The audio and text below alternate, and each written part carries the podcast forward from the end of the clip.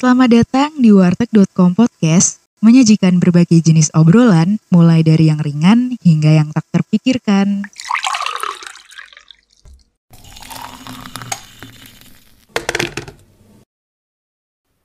Jadi kali ini warteg.com podcast kedatangan tamu yang sebenarnya tamunya ini nggak terlalu spesial, soalnya udah pernah ini, udah pernah uh, join di. Karena yang spesial pakai telur sih. Aduh, aduh, lucu banget gue, lucu banget. Garing ya? Par- parah, saking, parah, Saking lucunya garing ya. parah, parah, parah. Oke, di sini ada Agung sama ada Karel. Nah, Agung ini dulu sempet juga ngobrol di warteg.com podcast, ngobrolin soal idealis atau Ah, idealis. realistis ya. Terus Iya, kalau si Karel, kita dulu ngobrolin soal Palestina Israel. Nah, sekarang Yes. nih, eh, aku mau tanya dulu nih kan, kita sekalian apa ya, sekalian ngobrol-ngobrol. Gimana nih Agung kesibukannya? Update kehidupan dulu. Kesibukan ya. Jadi Iya. ya sebagai orang yang extraordinary but ordinary ya. Wah, Gimana coba? Udah extraordinary but ordinary kayak hmm. apa sih? Apa sih? Enggak, enggak, enggak. Ya, sebagai mahasiswa pada umumnya, jadi ini kan kita lagi di tahapan KKN ya kalau di Undip ya. Nggak tahu sih kalau pras univ gimana gitu ya. Nanti aku jelasin, nanti aku Oh, jelasin. Oke, oke.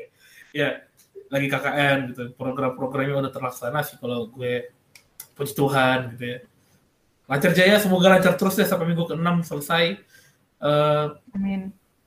sekarang gue juga lagi magang sih, udah mau selesai juga untungnya gitu. Di salah satu uh, tempat lah ya secara WFO gitu. Tempat apa tuh Tempat. tempat? Ya, tempat virtual ya kita bilangnya karena kan WFO ya. Eh, Hmm. WFO, WFH, WFH, WFH. Ah, Ya, WFH ya. Jadi uh, minggu depan ya akhirnya setelah tiga bulan magang bakal kelar juga gitu setelah belajar banyak hal di sana ya. Dan puji Tuhan juga itu sih uh, udah keterima magang lagi uh, pakai programnya MBKM dari Kemendikbud. Ada pada tahu gak sih MBKM apaan? Nggak tahu bang. Gak tahu Pak. Lu kok kayak bocil-bocil wardet ya? Gak tahu bang. Bang, bang, kita apa bang? Kayak Bang, bocah apa, Bang? Bang. Jawab aja bang, jangan banyak bacot. Siap bang Bujang. Tuh bahasanya Bujang. Bujang. Kaosnya bujang banget ya. Iya, bujangan. Hmm. Ya, magang sih di salah satu instansi pemerintah. Ya, bentar lagi, apa ya, harusnya sih udah aktif WFO ya, dari tanggal 19 kemarin, cuma karena PPKM lagi, harus diundur lagi gitu, jadi ya, begitulah. Masih belum tahu kapan sih, doain aja. Ya itu sih update dari gue, mungkin dari abang Bujang Gadis ya, yang dulu, eh, jadi menang bang ya katanya bang ya, kalah ya dulu ya. Semifinalis, semifinalis. Oh, semifinalis ya. Oke. Jadi kalau di apa? Kalau update dari aku sendiri sebetulnya sih kalau untuk PU ya Presiden University kita eh, apa namanya itu KKN-nya tuh di semester 3. Jadi iya. beda dari apa universitas pada umumnya itu kita di semester 3 tuh udah ada apa namanya udah ada KKN sendiri. Nah, merasa merasa beda dia nuh. bukan bukan bukan Ada spesial dia. Terus aku nggak aku nggak ngerti Sebel maksudnya kenapa dengernya. dibedakan ya. Tapi aku nggak ngerti itu kenapa dibedakan. Tapi intinya ada. Tapi itu kami udah Iya, iya, selesai iya, di semester 3 dan sekarang lagi sibuk-sibuknya magang. Kalau aku Hmm. kebetulan memang apa ya gara-gara ppkm nggak bisa apa work from office ya. Jadi work from home. Tapi gara-gara ini akhirnya aku beruntung bisa apa magang di dua tempat sekaligus. Dan di sini aku juga berusaha untuk mengimplementasikan apa yang telah aku pelajari di IR. Walaupun ya nggak sama-sama banget sih, karena ada apa namanya? Karena aku lebih terjun ke bagian jurnalistik sama politik dan politiknya pun dalam negeri bukan politik luar negeri. Jadi agak sedikit ya sedikit melenceng tapi tidak terlalu berbeda lah ya. Karena setidaknya masih ada unsur-unsur yang eh, sudah dipelajari di apa namanya? di IR, di International Relations bisa diimplementasikan juga pada bagian-bagiannya. Jadi menurut aku sih ya apa namanya it's have, I'm having fun with it and dapat cuan juga. That's one of the important Oh. things ya. Cuan. And that's it I think ya. Bang, bang, untuk- bang, Ya, mau, kenapa kenapa kenapa? mau nanya bang, Kenapa? Tanya lah, tanya tanya. di interna- international relation belajar hubungan siapa aja bang? Aduh. Sulit ya. Kok apa masih jomblo aja bang? Nah Waduh. itu padahal udah udah udah berbicara udah apa udah bahas tentang hubungan Rusia sama in- Amerika, Cina sama. Amerika, Rusia sama Cina, tapi hubungan saya sendiri sama doi nggak ketemu-temu tuh. Aduh, kasihan. Aduh. Jadi kalau misalnya untuk orang-orang yang tertarik ya sama Carlo bisa dihubungin Nah. dari Aduh, aduh ini Ini promosi apa ini? Ini oke. Move forward silakan Anung take Ini. over. Duh, gak usah salting deh, Kar. Kalau ini sih, siapa tahu, Saya siapa tahu dapet, Kar. Udah di ini alhamdulillah dapet pendengar-pendengar. ya. Iya. Kalau aja podcast pakai video ya. Ini dia sengaja nih kayak pakai baju yang agak ketat dikit biar terlihat gagah gitu loh. Tapi kan memang gagah ya, Gung ya. Ya iya. Kok gagahan gue sih ke temak gue. Oh, iya sih, itu it's always it's always it's always like that. Belum tentu sih, belum tentu sih sebenarnya. Ah, Anu gimana nih, Nung? Ya, Anung gimana? Ya, gimana ya? Lagi sibuk, sibuk gak ngapa-ngapain sih. Wah, Wah, sibuk mageran. kebut, Gak, gak, gak, sibuk kebucin kan, sibuk kebucin kan, Aduh, aja. gak. Itu, nah itu. Gak, gak. Sibuk Ya. KKN, KKN. Oh, KKN. Kuliah, Oh, kuliah, KKN. kuliah kerja ngebucin. Ya. That is true, that is Parah. true. Tapi iya sih, bener sih. Nah kan, terbongkar sudah di sini ya, Terbongkar. teman-teman. Anda mendengarnya langsung dari sini. Ya gitulah, Parah, biasa. parah, Anak muda, manusiawi, manusiawi. Iya, betul betul. betul. Duniawi lah. Duniawi. duniawi lah ini. Ya Masa gitu beda lah, dimensi ya? magang. Eh kok magang? KKN. Biasa KKN. Hmm. By the way, aku sama Agung ini se ini ya, seuniv dan seangkatan. Kita KKN-nya bareng, tim 2 Oh, iya. KKN Undip. Mm-mm. Oh iya. Agung udah diundang kayak gini perlakuannya. Nah ini lah ya. Iya nih. Ya Kita bisa melihat calon-calon pemimpin dunia kayak gini lah ini. Oh, pemimpin dunia ya. Iya, pemimpin dunia yang nggak bener. Gantiin bang, gantiin itu kan sekjen PBB sekarang kan barangkali kan. Tuh. Aminkan saja, Gue. Jadi aminkan saja. Amin, amin, amin. Oh iya Selain nih, selain KKN apa ngapain lagi Mir? Ah, Mir lagi anjir. No. Tamir emang. Iya, sorry lah Mir. Kesebut nama lu sih. Selain KKN lu kesibukan apa lagi? Apa ya? Ini sih eh, lagi persiapan buat sertifikasi kalau di HI. Wih, Sertifikasi. apa tuh? Ngapain tuh? Sertifikasi tuh jadi kalau di HI kita eh, mahasiswanya dibayarin buat sertifikasi. Nanti kita ujian. Terus kita milih mau sertifikasi apa. Kayaknya sih milih ya. Dan itu tuh kayak lebih ke cyber gitu loh. Soalnya kan HI Undip kan transnational and international crime fokusnya. Oh, Nah, iya. jadi That's lebih ke banyak tentang IT IT gitu sih. Wih, di keren ya. Oh, Nah, nice. itu nanti sertifikasinya bisa buat kerja. Itu soalnya kalau Oh, psikologi kayaknya undip rata-rata gitu ya kayak udah mulai ngasih sertifikasi Iya. ke mahasiswa. Uh, cuman ada yang kayaknya ada yang bayar sendiri nggak sih kayaknya? Kalau di psikologi tuh kami eh, untuk yang udah apa ya kalau satu antara yudisium atau udah sidang gitu dia dibayarin Hmm. buat sertifikasi jadi asisten psikolog gitu. Nice. Jadi Oh, punya gitu. Bagus ya? untuk apa? Untuk dapat pekerjaan yang lebih baik. Heeh. Mm-mm, Ada sertifikasi. Lumayan. Hmm. Iya sih. Apalagi dibayarin ya, bukan Iya. bayar Nah, sendiri, itu. dibayarin itu. Cuma gue lagi nyari sih sertifikat jadi presiden gitu atau jadi komisaris BUMN gitu kan. Jadi aduh, belum Bang, jangan dulu. Gung, Gung, lu kan KKN kayak gimana ya? Eh bukan, ya sih lu KKN-nya sibuk gak sih? Ah, rel- apa ya? Sibuk, dibilang sibuk juga Enggak. santai, dibilang santai juga enggak gitu ya.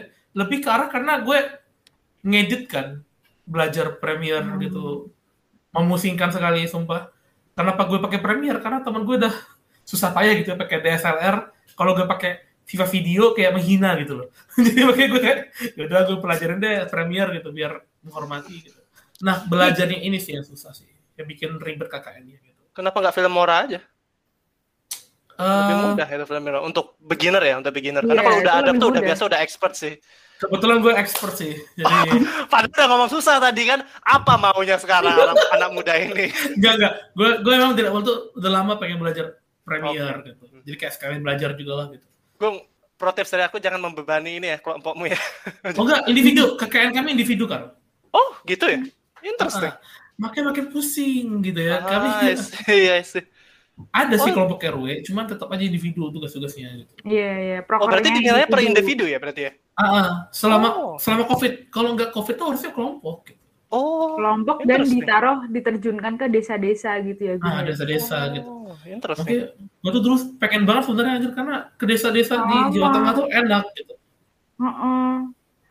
Ya gitulah ya. Barangkali kan ketemu, barangkali ketemu kembang desa gitu kan. Kan enak, kan? Aduh, aduh anak ini pemikirannya lah. Oh iya, kan Ah. biasanya kalau KKN tuh dapet ini gak sih, Gung? Dapet cewek kan? Lu kan Dapat ska- Ah, dapat iya, skandal iya. sih.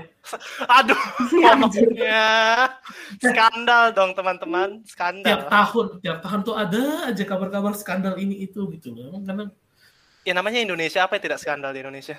Gue kesel, gue kesel banget. Gue kayak merasa kesel. Kenapa? Karena gak ada videonya gitu. Wah, Agung, bahasannya. Enggak. Jadi kayak, jadi kan jatuhnya kayak fitnah doang gitu loh. Harusnya kalau misalnya kita mengatakan suatu hal, harus ada fakta gitu. Oke, Harus ada buktinya gitu. siap gitu. Noted, noted Heeh. OTW ya. Nanti eh, apa namanya? Ke Kalau mau bikin skandal juga, Pak. Div Humas Polri ya. Kita Gong tolong Div Humas Polri suruh ini kontak langsung. Nggak mau bin gitu sekalian. Apa tiba-tiba diam nih? Oh, Eh, ini apa namanya situasi lagi bermasalah di tempat Anung katanya. hmm, kenapa nih, Nung? Ada itu kah? Ada Aduh. bakso kah? Aduh, Ada aduh, bakso. aduh. Lancar gak sih? Lancar dong. Kalau di kami lancar suara. Ya, kami sih bisa Lancar dengar ya? suara kamu, tapi aku Iya. nggak tahu kamu bisa dengar suara kami Oke, atau enggak. oke. Kayaknya gara-gara kita ngomongin ini dan itu jadi ada... mati, matiin kamera aja ya. Silakan, silakan. Boleh, boleh, boleh. Biar matiin Anung lihat kamera dulu kali ya. kegantengan kami berdua ya. Anjay. Gayanya Gong boleh juga. Iya, iya, iya, iya, iya. Iya, iya. Ganteng banget sih sama kalian. Ganteng Keren. parah dong. Ya. Karena kalau misalnya gue matiin kamera, nanti fotonya kayak request kan ipasem gitu. Iya, itu benar. Rest in peace ya. Gitu. Serem aja. Kayak foto orang meninggal kan. Iya, kok Oh gue iya, baru sadar. ini Coba, lihat tuh. Serem aja. serem. Kenapa gak Iya, ganti enggak. sih gue? Tahu, lupa. nggak. Gue kurang punya foto yang bagus gitu. Iya, pakai foto yang la- selain RIP kan ada, Gung.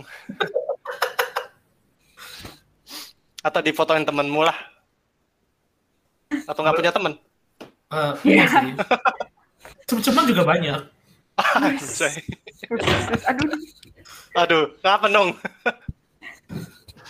oleng, oleng, oleng. Wah, minum-minum Oh, iya. Nung? Anong udah mulai Oh, iya. oleng ya sama kayak kesejahteraan negara yang mulai oleng gara-gara corona kayak eh.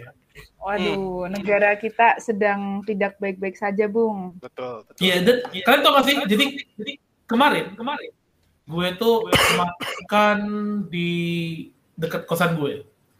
Mm-mm. Nah, ada nama war- ada warung makan namanya itu warung babe.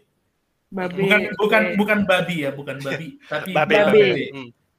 Oke. Jadi dia tuh jual banyak makanan lah, enak gitu ya. Bapaknya baik. Nah kemarin itu bapaknya ini ngobrol nih, tiba-tiba ngajak gue ngobrol. Hmm. Jarang sebenarnya jarang. Mas Agung, eh, menurut Mas gimana Mas ini Pak Jokowi ngurus corona? Wah, gue kayak "Aduh, tiba-tiba ngomong apa nih kok ngomong Jokowi gitu kan ya. Kayak bingung. Kayak mau no comment aja gitu loh kan biar aman hidupku gitu. Iya, betul. Kalau menurut saya Mas ini mungkin kali ini Bapak Jokowi lagi keliru gitu. Jadi kayak buat kebijakan ini dan itu gitu kan ya. Dia bahas banyak hal gitu. Mulai dari dia pro PDIP gitu ya. Terbongkar semua ya. Dan Ustaz punya Ustaz ternyata dulu tuh pengurus ranting PDIP di kelurahan kami gitu. Oh, serem. anjir. Yang, gua- yang Terus, terus. bikin yang bikin gue terkejut adalah eh isu ppkm ini ternyata di pola pikirnya si Babe ini dia lihat dari sudut pandang yang ini nih. Dia bilang seharusnya mas Pak Presiden itu meringankan kredit-kredit rakyat katanya. Hmm. Jadi ditangguhkan nggak perlu bayar dulu mas. Kan saya yakin 75% nggak tahu deh itu angkanya dari mana. 75% rakyat bakalan bahagia kalau presiden, bikin begituan gitu. Apa ditangguhkan kreditnya gitu. Gue terkejut sih. Oh iya juga ya. Gue baru kepikiran juga gitu. Kalau misalnya kredit ditangguhkan kayaknya juga bisa jadi salah satu solusi yang tepat untuk uh, setidaknya itu meredakan kemarahan warga gitu karena ya sumber pencarian mereka dibatasi gitu karena ppkm gitu kan. Tapi kalau misalnya uh, dari kalian nih mungkin teman-teman kan saya kan yang paling dekat ke politik kan ya. Kalau gue psikologi lebih ke arah manusia nih gak ikut ikutan politik banget. Gitu. Nah kalian kan mungkin kalian punya sudut pandang lain gitu ya. Kalau hmm? gue sih pernah denger ya bukannya emang kredit itu emang pernah ditangguhkan ya sih nah, beberapa nah, gue denger gitu tapi pas gue bilang bukannya pernah be kapan mas wah atau mungkin dia nggak punya cicilan aja kali nggak tahu atau mungkin kayaknya punya sih kayaknya punya sih atau mungkin bisa jadi uh, babe ini nggak termasuk kelompok yang diberikan keringanan sama pemerintah itu karena kan nah, pemerintah kan iya, membagi iya, iya. kelompok-kelompoknya juga kan siapa yang dapat iya, siapa bener. yang enggak nah hmm. mungkin ya ya karena itulah itulah dunia ya bagaimana kehidupan berlangsung nggak akan ada yang semuanya pasti dapat itu nggak akan mungkin jadi ya hmm. mohon maaf kalau misalkan anda tidak dapat tapi ya memang kalau setahu aku sudah pernah dilaksanakan apa namanya kebijakan iya. itu keringanan itu tapi hanya mungkin hanya kelompok aja kelompok-kelompok tertentu yang terpilih untuk melaksanakan itu hmm. tapi ya, aku setuju sih sebenarnya kayak selama dia bilang mungkin kebijakannya tidak terlalu mempertimbangkan rakyat kecil gitu. Kenapa gue bilang setuju? Karena kan gue lihat banyak yang makin tertekan juga sih gitu. Gue juga Betul belum dan beruntungnya ya Om Luhut ya Om Luhut aduh, sudah aduh, aduh, aduh. sudah minta sudah minta maaf kan ya dia udah minta maaf. Hmm, gitu. Betul. Nah kayak oke okay, berarti mereka sadar gitu sama ini mereka juga mau ketindakan yang salah gitu kan ya. Hmm. Jadi tapi gue juga bingung gimana ya gue kalau jadi pemerintah juga bakalan bingung solusinya gimana sih supaya ppkm tapi perekonomian warga tuh tetap berjalan lancar karena gue lihat itu nggak mungkin berjalan berjalan barengan gitu loh karena pasti karena itu kayak pasti ada kalau misalnya mau ppkm ya berarti ekonomi dihancurkan dulu gitu. Kalau misalnya mau ekonomi tetap jalan ya berarti ppkm-nya nggak akan dilaksanakan dan ya covid kita bakalan meningkat terus gitu. I agree karena memang kalau dari aku pandangan aku sendiri itu aku setuju yang Agung sampaikan bahwa nggak bisa dijalankan apa dijalanin barengan. Karena apa namanya ongkosnya terlalu besar kalau dijalankan secara barengan kan karena pemerintah udah berkali-kali berkata bahwa ya again permasalahan di sini adalah uang kan so, setiap kegiatan tuh pasti ada uang uang dan uang beda cerita kalau kita negara adik kuasa ya hmm. adidaya kayak Amerika yang punya banyak dana, China yang punya banyak dana. Tapi kalau kita negara yang terbatas, uh, dananya ya harus mengapa? Boleh dikatakan harus sacrifice salah satu itu. Dan pemerintah kelihatannya sih ya tergantung dari kebijakannya kelihatannya lebih mementingkan ekonomi ya. Karena yeah. udah mulai sedikit melonggarkan PPKM-nya udah level 3, level 4 darurat udah hilang, sekarang ganti ke 3 sama 4. Dan sekarang ya itu ya apa yang sebelumnya nggak boleh dine in tapi jadi 20 menit setidaknya nah itu kan kelihatan kan itu kelihatan itu. Nah, lu bayangin ya, lagi makan nih gitu. Waktu kalian tinggal lima menit gitu. Siap, chef gitu. nah, itu kan. Tapi ya itu salah satu cara kan dari dari pemerintah supaya setidaknya ya perekonomian rakyat tetap apa bisa berputar. Hmm. Den, yeah, dengan harapan bisa menekan apa penyebaran COVID-19. Tapi again ya sulit karena sekarang variannya pun tambah banyak. Apalagi kita belum tahu apakah nanti akan ada varian tersendiri dari Indonesia kan.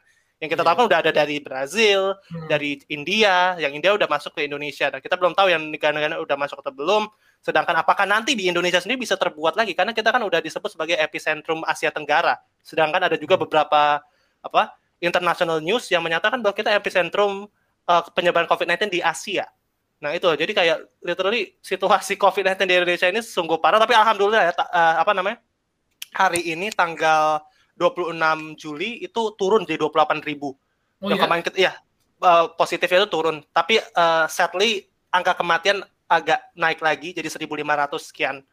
Nah itu jadi hmm. literally ya ada sisi baik ada sisi buruknya tapi again ya kita harus berharap yang positif aja sih dan jangan ya again memang banyak yang susah ya masyarakat itu pasti yeah. banyak yang susah masyarakat dan I'm fully sorry untuk apa ya terhadap masyarakat yang memang sangat terdesak sekali di situasi yang yang tidak menguntungkan siapa-siapa. Di sini tidak ada yang menguntungkan siapa-siapa. Ya mungkin mafia ya menguntungkan mafia tapi ya orang-orang seperti itu laknat lah mereka. Hmm. Tapi untuk orang-orang yang seperti apa masyarakat kecil yang hidupnya dengan berjualan yang bertatap muka berjualan itu kan sangat membutuhkan sekali insentif kan. Kalau tidak ada insentif, bagaimana mereka bisa makan? Bagaimana mereka bisa hidup? Jadi Hmm. keadaan kita ini memang susah sekali. Dan ya aku harap sih ya aku berdoa semoga cepat aja sih apa namanya eh, setidaknya menurun sehingga pemerintah bisa melonggarkan peraturannya sehingga bisa setidaknya meningkatkan daya hidup lagi sih. Oh, itu dari Iya aku. sih. Ya Tapi juga sih. Gimana kalau dari Anu? Ya, setuju-setuju aja sih. Tapi cuman gini ya, eh, menurut aku tuh kadang kebijakan pemerintah itu malah bingungin rakyat, apalagi rakyat kecil gitu yang mungkin dari pendidikan, dari ekonomi, sosial ekonominya itu sosial eh, menengah ke bawah gitu kan. Kayak namanya, nama ini aja, nama kebijakannya aja ganti-ganti gitu loh kayak PSBB, PSBB darurat. Eh P- PSBB ketat, terus PPKM mikro, PPKM level 3 4 itu kayak malah justru tuh rakyat yang nggak paham soal ini justru kayak malah ngetawain gitu loh. Wah, ini pemerintah aneh-aneh aja nih kayak nama namanya ini, namanya gonta-ganti, ada level-level Iya. segala gitu. Emang apaan? Emang kayak mie gacoan digituin kan.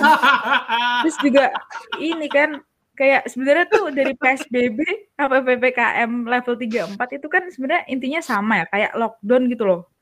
Ah. Hampir kayak lockdown gitu. Kenapa ya kenapa nggak dipermudah aja gitu istilah-istilah kayak gitu. Cuman ya nggak masalah juga sih. Mungkin buat kita nggak masalah. Cuman kayak kayak buat orang-orang yang yang nggak terlalu paham gitu soal kebijakan-kebijakan kan pastinya agak di apa ya agak dipandang aneh gitu loh pemerintah kan. Iya, iya, betul. Ya Betul, itu betul. Ya udah kayak seakan-akan tuh pemerintah eh, mau lockdown cuman dia gengsi gitu loh mau ngasih nama lockdown. Iya Iya sih. Bisa jadi ya, kayak karena kalau bikin lockdown nanti bakalan buat warga tuh panik lagi gitu Iya kayak juga dulu. sih. Karena Kayak dulu kan dulu kita pernah kan kita kayak ya, lockdown lockdown akhirnya beli ini itu. Kalian tahu gara-gara kemarin ppkm, gue jadi gak bisa minum UC 1000 yang botolan lagi tuh. iya, sama Iya sih. susu ini. Susu Susu beruang beruang. kan. Sumpah gue gak terlalu peduli sama brand gue bukan konsumen tetap ya. Tapi UC 1000 itu gue tuh seminggu bisa tiga kali minum karena vitamin C gitu. Mhm. Iya, enak dan enak juga. Enak gitu. Dan murah gitu ya. 8000 ribu gede gitu. Heeh. Vitamin C dapat kan satu gram gitu. Kayak anjir gara-gara itu sampai sekarang gue belum bisa beli itu lagi dong.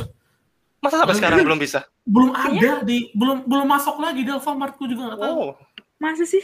masa? Sumpah, gue gak pernah ketemu di Alfamart. Indomaret paling ketemunya yang eh, yang lemon. Masalahnya gue sukanya yang orange. Nah, Anda milih-milih berarti di sini. Ya. Ini masalahnya. Yang Cuma lemon, ini Nggak, buat yang- minuman seger-segeran, Gung, bukan buat vitamin lu. ya, yang lemon tuh asem banget soalnya aku bukan Oh, orang yang iya. kuat asem parah gitu. Walah. Hmm. Parah banget asem. Tapi gini sih ya guys ya, aku tuh sebenarnya aku ingin bersimpati sekali sama rekan-rekan kecil gitu ya. Jelas karena Hmm. ya aku juga bukan orang yang berkecukupan yang luar biasa kayak Haritano Sudibyo gitu enggak gitu. Aku ya warga-warga biasa. berkecukupan. Ya, kalau kita- kaya, Gung. Kalau kita tanya dia, dia pasti bilang ya saya berkecukupan. dia kagak bilang dia kaya. Anda berasumsi nih, Otomatis hati-hati. ya. Anda berasumsi loh ya. Hati-hati di sini. kan selalu kan orang-orang kan pengen merakyat kan kata-katanya kan. Apalagi dia politikus gitu. Dia pasti bilang saya berkecukupan, saya bukan orang kaya gitu. Percaya sama gue. Pasti dia bilang gitu. Siap, siap. yang di, cuman kadang tuh gue pengen bersimpati tapi susah. Kenapa? Karena tiap kali gue pengen bersimpati, ada aja di berita gue baca rakyat mengeluhkan bantuan langsung tunai pemerintah terlalu sedikit gitu. Padahal tuh tiga ribu per bulan. Itu untuk berapa juta rakyat gitu. loh. Dan Iya, itu dan masih ada yang bisa bilang kurang ya. Oke emang itu kurang tapi layakkah kamu mengatakan demikian gitu? Menurutku tuh eh, mungkin di saat ini kenapa orang pada bilang kita butuh berpa, apa ya, bergandengan tangan gitu. Rakyat juga harus menjadi orang-orang yang mendukung pemerintahnya gitu. Ya karena kalau cuma menuntut doang, ya negara bakalan bangkrut gitu. Kita nanti bakalan survive dari corona, tapi keluar dari itu ya kita bakalan jadi negara-negara yang agak berani nyebut nama negara ya sih, tapi baik negara-negara di Afrika juga yang bangkrut gitu ya. Sampai akhirnya ada yang pilot ya sama Cina ya, karena Iya sih, ada sih negara apa sih di Afrika yang akhirnya mereka harus pakai mata uang Tiongkok juga? Untuk masalah mereka menggunakan mata uang Tiongkok aku kurang tahu, tapi yang aku tahu jeba- mereka kena jebakan siapa? Jebakan investasi Ci- eh, Tiongkok. Oh, itu iya. beberapa negara udah kena. Hmm, Nah, itu memang situasi Iya. seperti itu sih. kan bahaya gitu loh. Jadi dan lucunya adalah ketika gue pernah baca nih, memang ini salah gue sih baca kolom komentar Instagram ya. tapi itu bahaya, itu bahaya itu. Itu kolom paling berbahaya tapi sedunia. karena tuh gatel gitu. Ini pengen lihat gitu. Nah, Pengen gue, gue cek nih gitu. hmm, terus terus. Langsung dong muncul. Ada yang komentar kayak gini. Seharusnya kita sebagai rakyat itu juga mendukung pemerintah. Hmm. Membantu negara gitu. Saling Hmm. bantu, jangan cuma menuntut. Ada dong yang balas komennya. Apa tuh? Lah, kalau kalau yang ngebantu bukan pemerintah tapi perseorangan, buat apa ada negara gitu? Waduh. Anjay. Udah mau anarkis Iya, aja. Eh, nong, susah. nong, anarki OTW ini. Waduh, anarki ini aduh serem banget. Pakai, aduh pola pikir kayak gitu tuh kok bisa ada gitu loh. Iya pasti akan ada sih memang pola pikir seperti itu dan I think I know why I think you know why ya Gung ya karena kan orang yang misalkan situasi udah krisis and terus apalagi kalau misalkan dia sudah tidak sudah kesulitan mengisi perutnya Nah, pasti ini. manusia sudah mulai berpikir hal yang radikal kan? Memikir hal yang sangat ekstremis dan sampai berkata seperti itu. Kadang kan orang ada yang udah stres kan kayak yang awalnya dukung nih pemerintah tapi pas lama kelamaan gara-gara stres bisnisnya tutup lah dan lain pasti kan akhirnya berubah menjadi sentimen negatif kan yang awalnya positif menjadi negatif. Jadi itu literally kayak ya it's common thing to happen in in time of crisis ya jadi Hmm. sebetulnya untuk kayak gini situasi ini sebenarnya ini common thing. Jadi kayak orang tiba-tiba benci pemerintah yang awalnya dukung, tiba-tiba benci pemerintah di masa krisis ya itu pasti akan terjadi. Semua negara mengalami itu. Hanya sekarang yang uh, perlu rakyat sadari adalah kalau memang misalkan apa namanya? Ya pemerintah aku yakin pasti apa namanya? secara sepenuh-penuhnya berusaha untuk apa? memberikan yang terbaik ya buat uh, rakyatnya. Hanya kalau Hmm. mungkin bagi orang yang merasa itu tidak cukup ya mungkin Anda bisa memberikan solusi. Contohnya seperti apa? Jangan hanya mengkritik aja, oh ini tidak cukup. Terus Anda mau ngapain? Nah gitu loh. Jadi setidaknya memberikan, oh ini tidak cukup, tapi Anda bisa melakukan seperti ini, seperti ini karena sudah melakukan kalkulasi seperti ini dan ini. Jadi pemerintah bisa, oh iya kayak gini ya. Jadi bukan hanya mengkritik terus diem tanpa ada memberi apa solusi sama sekali. Itu kebanyakan yang salah di apa? Jadi kolom Instagram, habis itu beberapa postingan orang juga di Twitter itu, oh ya Twitter tiap sih. hari tiap hari tuh trending Twitter tuh nomor satunya biasa itu pasti mengarah ke presiden itu saya bisa pastikan itu Selalu, selalu gue selalu dulu dulu Twitter tuh trendingnya masih bisa hashtag sange ya. Anjir. betul itu itu betul Sekarang nggak lagi aja. nomor Sekarang satu tuh hmm, hashtag makzulkan Hmm. Jokowi gitu ya. Waduh. Hashtag presiden mundur aja aduh banyak Nah. banget aja. Aduh. itu tiap hari pasti ke situ jadi ya, apa namanya ya Kadang kadang tuh gue merindukan ya membaca tren itu hashtag sange gitu. Merindukan, Hashtag anjir. open open BO gitu. Merindukan gitu. Karena itu masa-masa di mana lagi damai-damainya gitu loh. Ya, Iya sih. kalau gue lihat ya kalau misalnya nih sampai di Twitter tuh punya trending tuh yang mesum-mesum gitu, berarti negara lagi damai gitu. itu aja sih. Konten pemersatu rakyat Iya. ya. Kenapa pemersatu gitu ya? Hmm. no comment ya saya saya tidak ada komen Makanya ada saya di sini ya supaya hal-hal yang vulgar kayak gini bisa diucapin gitu. Anjay. Karena kalian berdua terlalu main aman gitu loh aneh. Wah, bukan bermain aman temanku kita di sini ber apa belum tertarik ya. aja ya. Kalau act as, as a civilized ini ya, civilized Oh. citizen Emang gue tidak tersivilisasi ya. Tersivilisasi itu bukan bahasa ya ya kan apa sama kayak sama kayak zaman sekarang kan lagi ngetren cuy. Mengkesal, mengmarah, mengcapek. Lu tahu iya sih, itu banyak- betul sih Makin Betul. banyak yang KBB Iya, itu bukan. mak- PUBG itu makin rusak sebenarnya. imbuhan yang tidak jelas itu makin banyak sih Itu sih. Iya, eh, iya Gung, kemarin ini kan, eh, lu lihat story gue nggak yang ini, Oh, yang orang vaksin itu, ceritain dong, ceritain gimana gimana, oh iya tuh. Ini lucu sih, gue pakai istilah ke Andong teranal ya. panjang, ngomongin lagi di sini, lanjut lanjut lanjut gong lanjut gong Ya ini ini gak perlu sensor kali kayaknya kan. Iya santai, mager juga mau nyensor, Gini, jadi ada seorang warga, mungkin kita disebut saja A ya. A ini adalah orang yang paling gencar mengatakan anti vaksin, vaksin bla bla bla gitu. Vaksin ada kameranya, padahal kita ektp aja masih di fotokopi gitu loh. Mana Iya, ada betul gitu. betul betul, Mana ada teknologi sebagus itu anjir gitu kan. Hmm. Bolong tangan kita kalau ada kameranya gitu. Mikir kalau tidur tuh pasti ada yang ganjel gitu. Apa nih kamera gitu kan. leuge leuge Jadi terus dia tapi ternyata ketika dia adalah orang yang paling gencar mengatakan anti vaksin, ternyata dia udah vaksin dua kali guys. Ketika tetangga-tetangga itu udah percaya sama dia gitu. Makanya gue bilang ini tetangga itu teranal, tertusuk dari belakang gitu. Aduh bahasanya teman-teman sekalian. Iya kan? Itu kurang aja sih. Kamu tahu Dajjal, Dajjal kan secure cuy sama orang kayak gini. Iya. Iya sih. Tapi ya itu faktanya kan hoax di mana-mana, Oh, disinformasi di mana-mana. Dan mereka hanya apa? Ya orang yang melakukannya kan oknum ya. Kita sebut aja oknum. Oknum ini kan tujuannya cuma satu. Biasa memang dia bodoh, itu satu. ya, itu satu memang dia bodoh atau dua dia ingin apa? Untuk menguntungkan dirinya sendiri aja. Jadi dia kayak laknat yang lain, dianya selamat. Itu kan salah satu cara yang ya kalau misalkan Iya, iya kan? benar-benar. Kan, Nah, kan jadi- kan ngantri vaksin bisa jam-jam ya.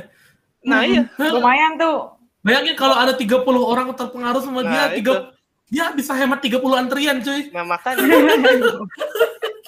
mungkin dia juga lagi ada marah kan sama tetangganya kayak aduh aku pingin dia ini aja deh ya udah aku biarin dia nggak vaksin tahu-tahu tiba-tiba ada surat kabar apa namanya nah itulah ya Bendera intinya kuning. nah ya bendera kuning ya Rupanya Betul. Golkar, iya.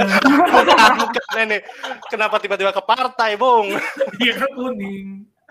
jadi ya itu sih sebenarnya disinformasi itu di apa di Indonesia tuh memang udah parah banget dan itu salah satu yang menjadi penyebab kenapa ya banyak yang ragu vaksin banyak yang apa namanya yang nggak percaya corona dan kalau misalnya kita lihat berita tuh ada kan yang kemarin sempat apa anaknya cerita kalau ayahnya itu meninggal gara-gara percaya hoax dari dokter Louis bahwa covid itu tidak ada kan Hmm, itu ya, udah ya. jadi korban kan jadi Iya. misalkan udah dia udah menyerang nama dokter walaupun dia si apa eh, ikatan dokter Indonesia menyatakan bahwa dia dia bukan udah tidak termasuk lagi kan Hmm. tapi situasi itu ya again selama dia bisa membuka suaranya bisa menyampaikan aspirasinya rakyat akan mendengar masyarakat luas akan mendengar dan ketika mereka mendengar tinggal dari pemikiran mereka sih apakah mereka akan langsung mempercayai atau tidak. Tapi sayangnya sebagian besar masyarakat Indonesia itu cepat sekali kan apa namanya eh, mempercayai suatu hal. Sehingga ya akhirnya jatuh banyak korban.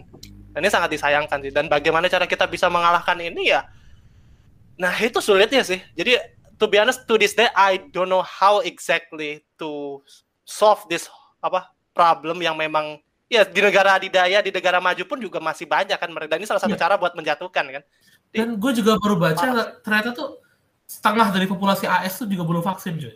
Mereka tuh juga termasuk negara yang rakyatnya tuh makin nggak percaya sama pemerintah untuk vaksin ini.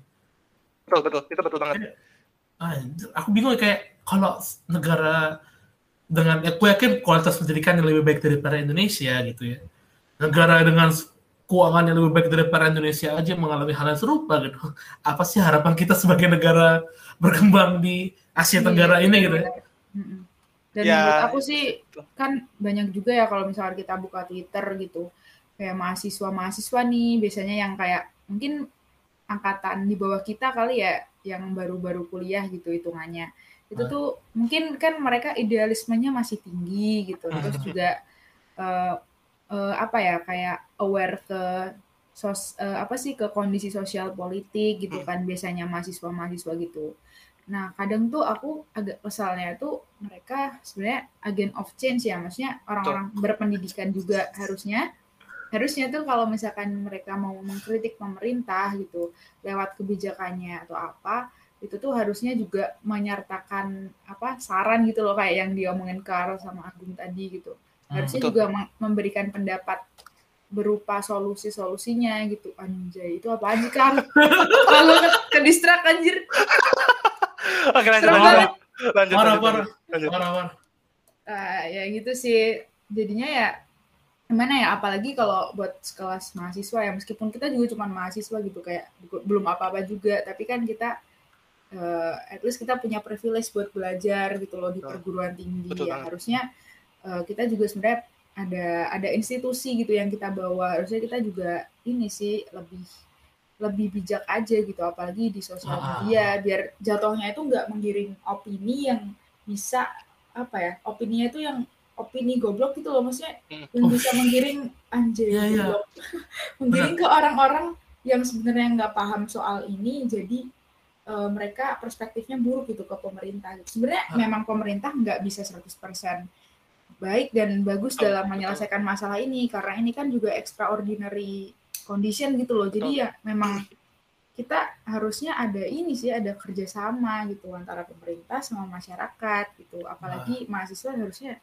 ya lebih solutif lah harusnya ya.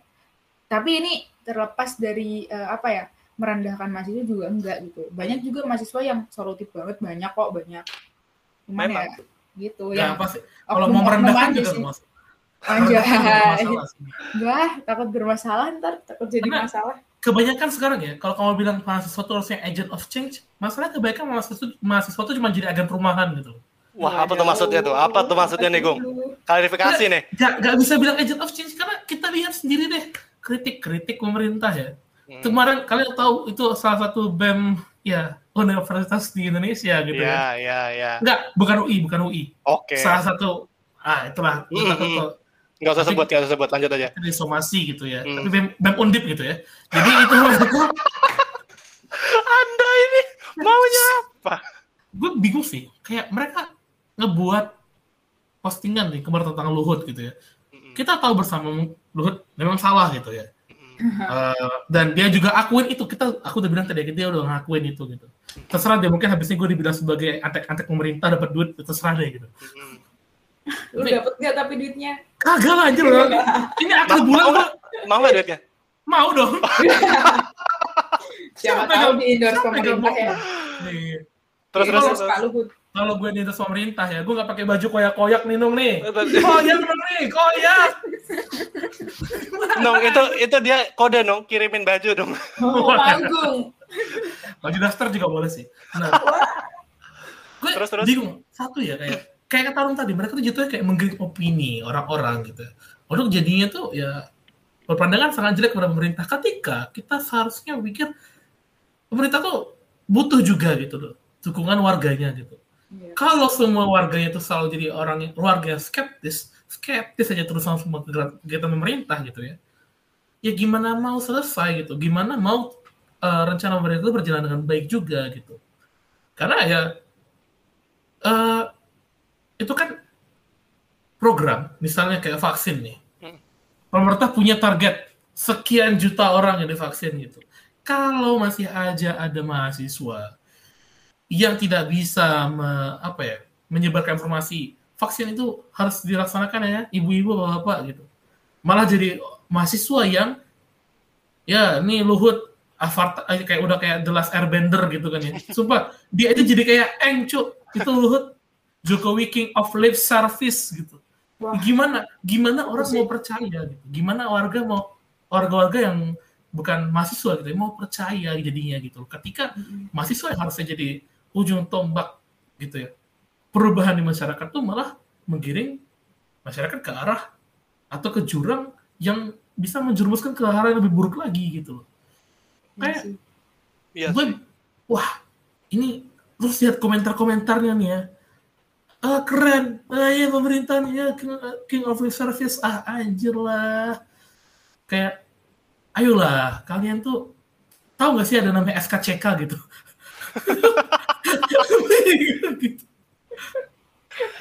Tapi tapi tapi aku harus disagree dengan kamu Gung. Karena hmm memang memang sebetulnya itu memang situasi sekarang membutuhkan dukungan dari segala pihak aku setuju hmm. tapi kita tidak bisa melupakan check and balance dalam tanda arti tidak bisa membiarkan pemerintah dalam tanda kutip adalah terlalu mendukung hmm. semua program tanpa mengecek apakah ini benar atau tidak dan hmm. setahu aku dari beberapa apa namanya uh, postingan yang telah dilakukan oleh BEM tertentu di berbagai universitas mereka tidak ada yang mengatakan atau menolak misalkan menolak vaksin ataupun uh, apa anti corona itu itu sebagian besar tidak ada yang aku lihat ya.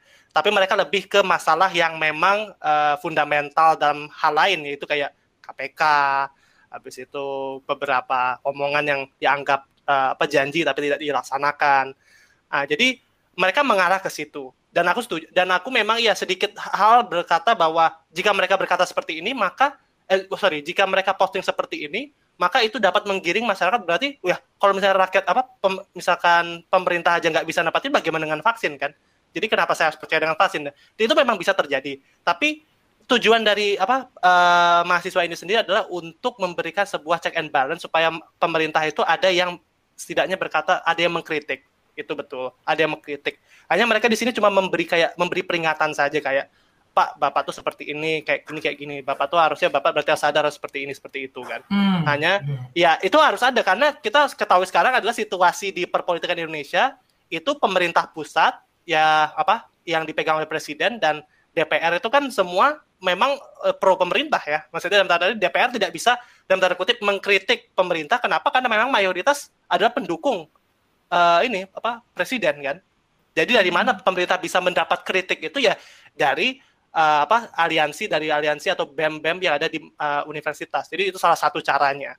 Hanya ya aku setuju juga jika memang di situasi sekarang kayak gini lagi pandemi tiba-tiba mereka posting yang mengatakan bahwa ya itu bohong apa kayak udah ngomong tapi nggak dilaksanakan. Nah itu berarti bisa juga menjadi penyebab kenapa menurunnya kepercayaan masyarakat terhadap contohnya kayak program vaksin. Itu bisa terjadi. Itu tidak Hmm. bisa di apa tidak dipungkiri itu pasti akan terjadi kan jadi literally ya ada sisi baiknya dan sisi buruknya juga itu loh Hmm. Tapi gini sih Kak, ketika kita bicara mengenai gerakan mahasiswa itu menjadi uh, balancing gitu ya, penyeimbang terhadap uh, kebijakan pemerintah gitu. Kita juga seharusnya menuntut bahwa mahasiswa juga tidak seharusnya dan tidak selayaknya hanya memposting kegagalan pemerintah terus menerus nih. saya setuju Sama kayak sama kayak lu bilang gitu ya, setuju bahwa uh, postingan itu bisa jadi menggiring masyarakat gitu. Kalau misalnya emang dia mau bahas mengenai KPK ya bahas KPK gitu. Nanti ketika vaksin tolonglah buat uh, postingan yang mendorong warga tuh untuk percaya kali ini percayalah sama vaksin pemerintah Hmm. gitu. di salah Kalau- satu itu kalau nggak salah di salah satu universitas yang pernah ngepost bikin heboh juga kalau nggak salah di satu postingan mereka juga menggiring masyarakat untuk ayo vaksin jadi eh, ada sih memang kayak yang kamu inginkan tuh ada tapi mungkin tidak di semua universitas ya melakukan hal Hmm. seperti itu gitu Iya. Nah ini uh, aduh, gue tadi mau ngomong apa ya? Gue jadi lupa gitu ya. maaf maaf tadi saya potong Gak apa, gak apa. Eh, ya itu bagus sih kalau misalnya emang ada nih ya yang begituan gitu. Cuman masalahnya ada yang enggak dan itu banyak juga gitu mungkin ya. Hmm. Dan akhirnya mendorong opini lain juga jadinya wah ini mahasiswa dipesan nih sama eh, partai-partai tertentu gitu. Hmm. Jadi itu akhirnya membuat- ketidakseimbangan politik yang makin runyam lagi gitu loh. Tapi kok kita bilang, tapi sebagai apa? Sebagai analisis ya yang memang melihat perpolitikan Indonesia, aku eh, berani ngomong sih untuk masalah keseimbangan politik sendiri, pemerintah pusat masih kuat. Itu aku bilang. Tapi kalau misalkan ditanya apakah eh, dengan hal seperti itu akan mengguncang pemerintah pusat, sebetulnya itu tidak terlalu berefek apa-apa. Kenapa? Karena again dua sektor penting yaitu DPR dan apa dan pemerintah pusat itu yang harusnya menjadi check and balance dua-duanya ini mendukung satu sama lain gitu. Jadi agak sedikit sulit untuk misalkan menjadi ad- ada namanya ketidakseimbangan politik dan apa institusi yang lain kayak institusi pertahanan dengan keamanan, polisi sama TNI juga banyak orang-orang itu merupakan orang kepercayaan dari pemerintah pusat yang memegang kendali. Jadi kalau ditanya apakah akan menjadi ruyam, kemungkinan besar tidak.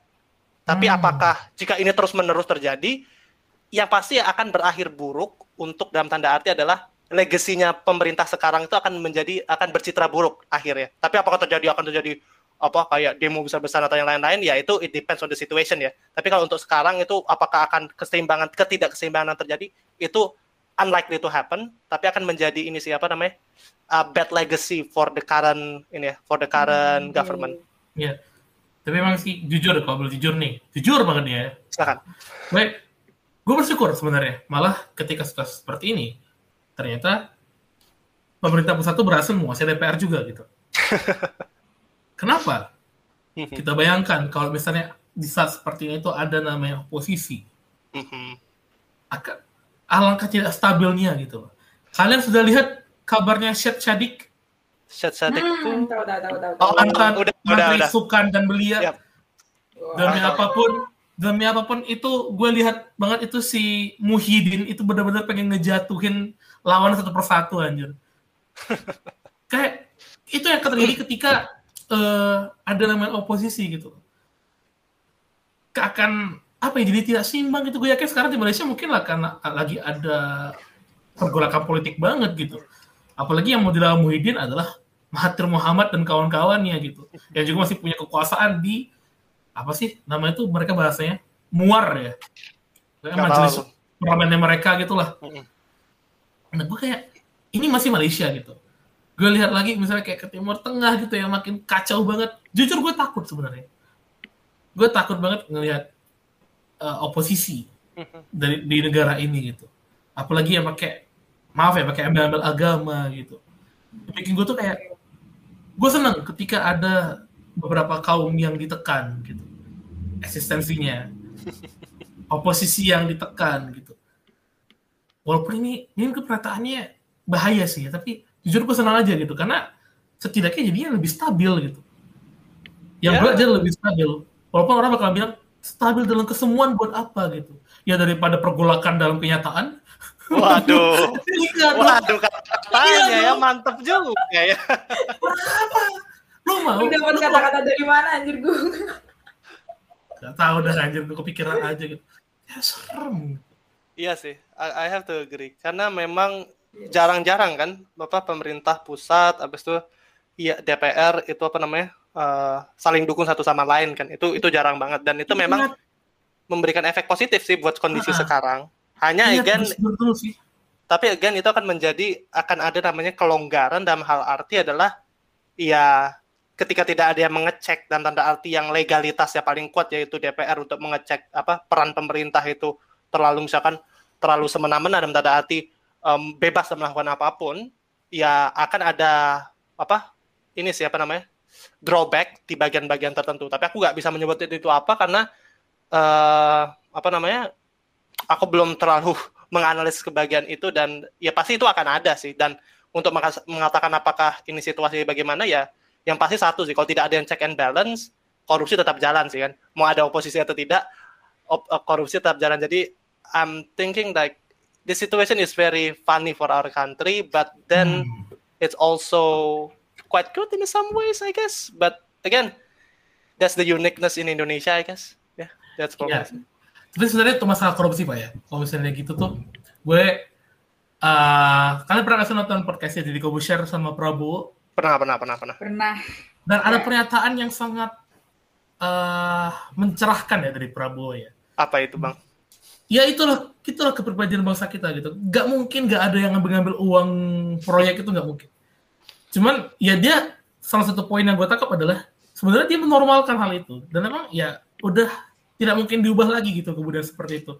Ngambil uang proyekan tapi yang dia tekankan adalah tapi jangan berlebihan gitu ambillah sewajarnya aja gitu. Itu poin yang gue dapat banget. Makanya gue pikir kayak ya berarti mah seperti itu sih gitu. Kita nggak akan bisa min berharap ada pemerintahan seperti di Tokyo atau mungkin di mana sih di yang dulu pernah dia nggak sengaja pakai uang negara untuk minum anggur merah terus dia mengundurkan diri setelah dia tahu ternyata dipakai uang negara untuk beli wine. Di Eropa. Di Eropa. ada tuh gue pernah dengar. Hmm. kita nggak bisa mengharapkan hal seperti itu gitu.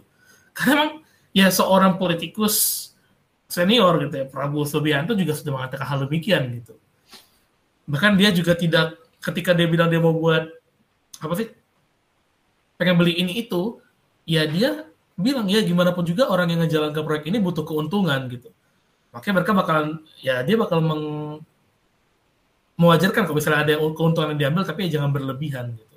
Ya, Dan- tapi kalau korupsinya bansos corona ah itu yang gue tuh? gue pengen pengen, bilang tadi ya. Ketika orang-orang bilang iya pemerintah nih dia ingin mematikan KPK supaya korupsinya makin lancar gitu. Tapi yang gue lihat adalah pemerintah bahkan membunuh temannya sendiri gitu yang ternyata eh, korupsi bansos gitu. Kalau padahal dia tahu tuh dia ya harusnya pemerintah kalau emang benar-benar mau buat pemufakatan jahat dia harus tahu dong wah temanku kalau ketahuan nih hukumannya bisa jadi hukuman mati gitu. Karena hajat orang banyak dia kuasai gitu. Ya dong bertetangga banget sama UUD gitu. Makanya mereka sempat ada kata-kata dia bakalan dihukum mati gitu kan. Walaupun nggak jelas kan hukumannya bakalan sejauh apa nih kalau nggak salah namanya nama belakangnya minyak bumi ya kalau nggak salah ya minyak bumi. Iya. Ya kan, lu masa nggak paham sih, Nom? Ya, batu bara sama minyak bumi gitu loh maksudnya. Iya iya iya paham. Kamu disebutin lagi. Ya, tapi kan Gak itu apa-apa berita, sih gak apa-apa. kan berita emang seperti itu gitu Iya, ya. memang udah pada tahu juga. Iya, gitu kan. Iya sih. Ya, ya kalau dibilang KPK ingin dikuasai supaya korupsi merajalela ya, saya tidak melihat demikian gitu. Yang saya lihat yang mau korupsi bansos tertangkap gitu. Aku bingung bukti yang mana gitu yang ingin disampaikan oleh orang-orang ketika bilang demikian. Kalau kamu punya bukti korupsi itu kenapa tidak kamu laporkan gitu? Kalau kamu punya buktinya, jangan hanya nyerocos aja gitu seharusnya. Gitu. Anjir gue gini ngomong kayak Denny Siregar gak sih anjir? Tapi enggak, enggak. Gini, gue lebih ke arah udah capek gitu lihat orang-orang yang kerjaannya kritik-kritik-kritik tapi tidak come dengan any solution gitu. Well, that is the ini sih, that's the culture of country. Hmm. Yeah. Sadly that is our culture gitu lah. Itu lagi-lagi di kolom komentar IG gue pernah ketemu. Apalagi. Emang sejak kapan kalau kita ngekritik harus kasih saran? Ya Tuhan. ya, ya gimana ya kayak pantas aja. Pantas, pantas Hitler buat gulak. salah, salah. Hitler nggak buat gulak, Bang. Itu oh, Rusia yang buat gulak. Oh, Rusia. Oh, ya, oh, sorry. Oh, itu kan, kan konsentrasi anjir ya. Oke, karena saking capeknya dengan omongan orang-orang yang nggak jelas gitu kan. Kalau konsentrasi kamu gitu. Ya memang nggak apa-apa sih, mungkin ya udahlah nggak apa-apa, kritik gak usah ngasih solusi gitu ya. Ya, penting kritik ya, aja gitu. Ya udahlah, cuman ya. Tapi gitu. itu lah, ya iya, mentality apa ya? Aku nggak tahu itu namanya sekarang itu mentality apa. Dulu kan kita sering ngomong mental penja apa mental mental orang yang dijajah ya orang ah. mental, orang mentalnya suka di apa orang yang dijajah jadi kayak Indonesia tuh suka dibilang orang-orang itu akan baru bekerja atau baru bergerak ketika disuruh, baru paham ketika dimar apa baru apa baru patuh ketika dimarahin. Jadi kayak hmm. enggak bisa apa nggak bisa langsung patuh gitu langsung ketika oh peraturan ini ada. Oh kamu harus kayak gini. Atau tiba-tiba oh ada inisiatif. Oh ya saya ada solusi ini. Tapi enggak dia tunggu ditanya dulu atau tunggu apa namanya ya sampai ya nunggu itu. Jadi terlalu lama sehingga ya nggak akan dapat efeknya. Dan ada yang mereka cuma suka ada marah dan mengkritik kan. Hmm. dan ini menjadi apa namanya ya udah menjadi mental mentalitas beberapa orang aku nggak aku nggak mau berani nyebut mayoritas ya karena aku bilang aja beberapa orang, beberapa orang. dan apa namanya dan ini sadly ini akan merusak ini sih kepribadian bangsa kita juga. Karena kalau kita dilihat apa sama dunia luar oh mengkritik terus. Habis itu aku juga bilang Indonesia ini orang beberapa orang juga sumbu pendek kan.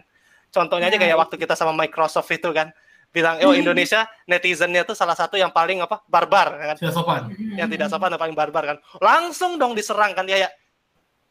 Sumbu pendek banget loh kalau udah cuma baca itu langsung langsung nyerang apa nyerang Microsoft ya. Dude, kayak santai aja. Kalau misalkan memang mereka berkata seperti itu, kalau kita memang harusnya dengan kepala dingin mengatakan, oh iya, kita bisa introspeksi diri kan. Tapi Indonesia tuh sukanya itu ada beberapa orang sukanya langsung oh enggak lah saya paling benar nah itu itu mentalitas paling bermasalah dan yang menyebabkan kita kenapa sering mudah sekali friction kan. Apa-apa sedih apa-apa dipermasalahin habis itu sedikit demi sedikit dipermasalahin dan itu itu. Jadi kayak aduh situasinya parah banget sih. Lebih ke arah gimana ya? Emang bukan masalah tubuh pendek sih emang nggak mikir aja gitu kalian tahu kasus yang mikir aja. Ya sumpah. Jadi kalian harus tahu. Kalau kalian ingat kalau nggak ya, jadi kan pernah kan dulu uh, netizen tuh mau nyerang IG-nya DPR. Oh ya, ya oh, waktu iya, yang iya, itu, iya, waktu iya. yang tempat itu. Hmm. Harusnya kan DPR underscore RI ya. Jadi seorang orang DPR live itu artis Korea, Gue juga baca komentar yang aneh gitu. Ini apa? tapi, iya, tapi itu sih itu lucu loh. Kan kalau mereka ngelihat kan, kan kelihatan kan postingannya apa kan gak masa DPR postingannya kayak yang apa yang beda selain Indonesia atau Cowok, berita gitu parlemen nah, iya kan mereka bisa lihat kan kenapa nah, itu itu udah bisa menjadi salah satu contoh kan kenapa kita iya. terlalu cepat sekali untuk ya menyimpulkan sesuatu gitu loh. Iya, sangat disayangkan ya. Sangat sangat sekali disayangkan sih. Dan hmm. mungkin dulu kan Pak Jokowi sering ngomong revolusi mental kan. Tapi I think hmm. it's uh, malah tambah lama tambah barbar yang ada sih mental kita. Maksudnya jadi beberapa orang jadi lebih ya apa nggak ini sih apa nggak malu lagi berkata itu apa berkata ataupun bercerocos di sosial media di sosial hmm. media. Tapi ketika apa bertemu langsung ciut itunya apa namanya uh, nyalinya. banyak banyak yang kayak gitu sih nah itu itu aku ya again ya itulah salah satu uh, ya bad traits lah aku bilangnya bad traits untuk apa masyarakat di sini. Tapi ya again mungkin harus dilakukan sebuah revolusi mental lebih in depth lagi kah atau bagaimana I'm not sure sih Iya benar sih. ya. Revolusi mental itu sebenarnya selalu jadi hal yang secara psikologis juga sangat Nah ini. aku nanti nantikan sih gitu ya. Enggak sih, lu? cuman cuman cuman ngomong secara itu- psikologis aja biar kelihatan keren. emang kalau Biar menurut kamu keren. kalau yang menurut kamu Gung revolusi mental selama dari tahun Gini. 2014 sampai sekarang kira-kira gimana Ini lebih karena gini sih, kita terus melihat?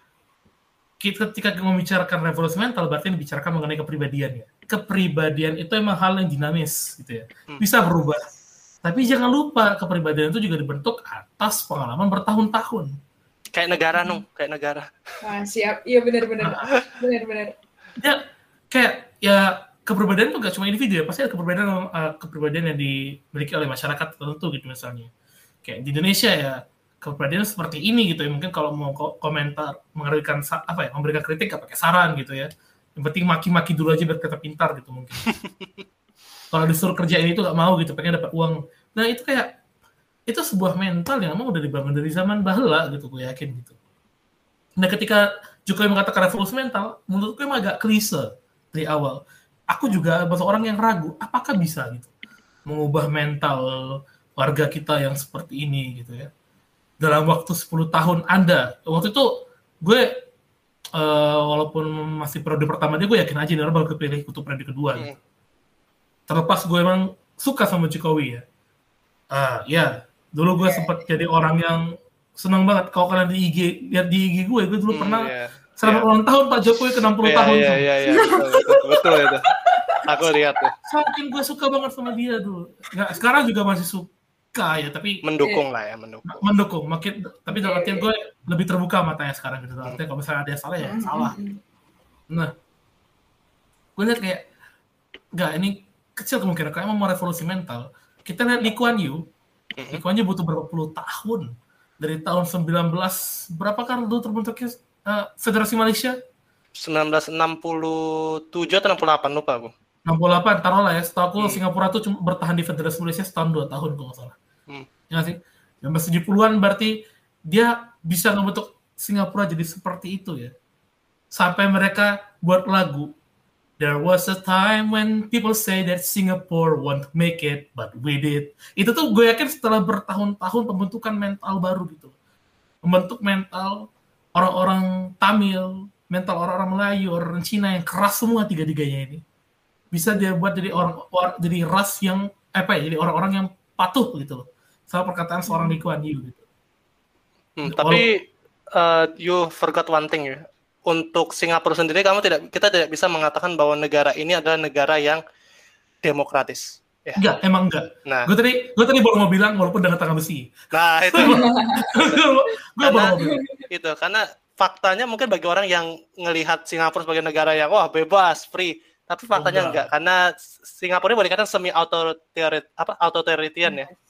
Nah, Tapi itu nggak banyak orang tahu aja Nah. gitu secara politis. Jadi itu mereka tuh ya terbuka, tapi dengan pengaruh dari apa the founding fathers Lee Kuan Yew dan anak-anaknya dan partainya, aku lupa nama partai yang paling berkuasa di sana apa, itu mereka semacam kayak membentuk ya gen, aku setuju, yang yang Agung katakan itu membentuk mental, mengatakan bahwa ya Hmm. partai saya lah yang akan bisa memajukan Singapura.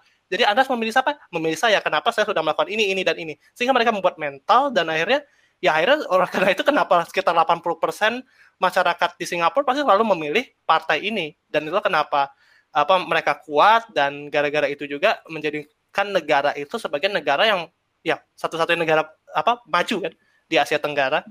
Jadi itu ada efek positifnya juga. Tapi aku aku ragu apakah sistem seperti itu bisa diimplementasikan di Indonesia yang sangat beragam yang kita itu tidak hanya ada orang Tamil. Melayunya saja, Oh, tidak ada orang tidak ada orang Tamil, tidak ada orang Melayu, tidak ada orang Chinese saja, tapi kita juga memiliki orang uh, Jawa, orang Batak, orang Papua dan banyak sekali dan kita sungguh plural sekali sehingga ini unik sekali kalau misalkan kita melihat Indonesia itu.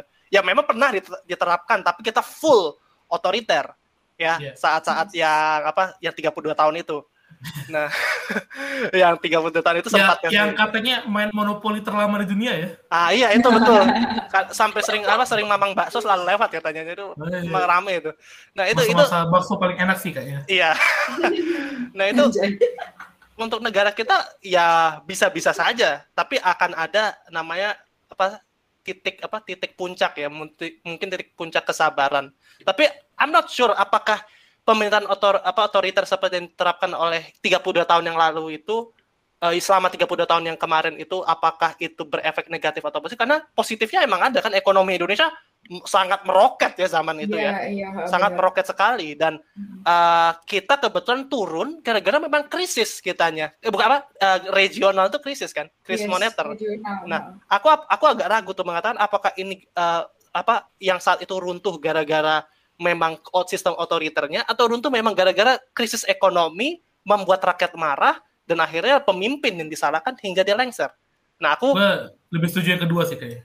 Nah itu jadi sulit aku aku nggak aku nggak berani jawab berani jawab mana yang benar mana yang salah karena again itu menjadi misteri juga kenapa itu seperti apa dan itu misteri negara ini kan yang paling akan sulit untuk dibuka kecuali kita presiden ya kalau aku presiden mungkin aku tanya sih kenapa sih jatuh Kabar-kabar ya Karl. Ntar. nah iya nanti aku kasih nanti aku buka press ya. aku buka press conference uh, membuka membuka fakta 1998 nanti Waduh. Maksudnya ini aja warteg.com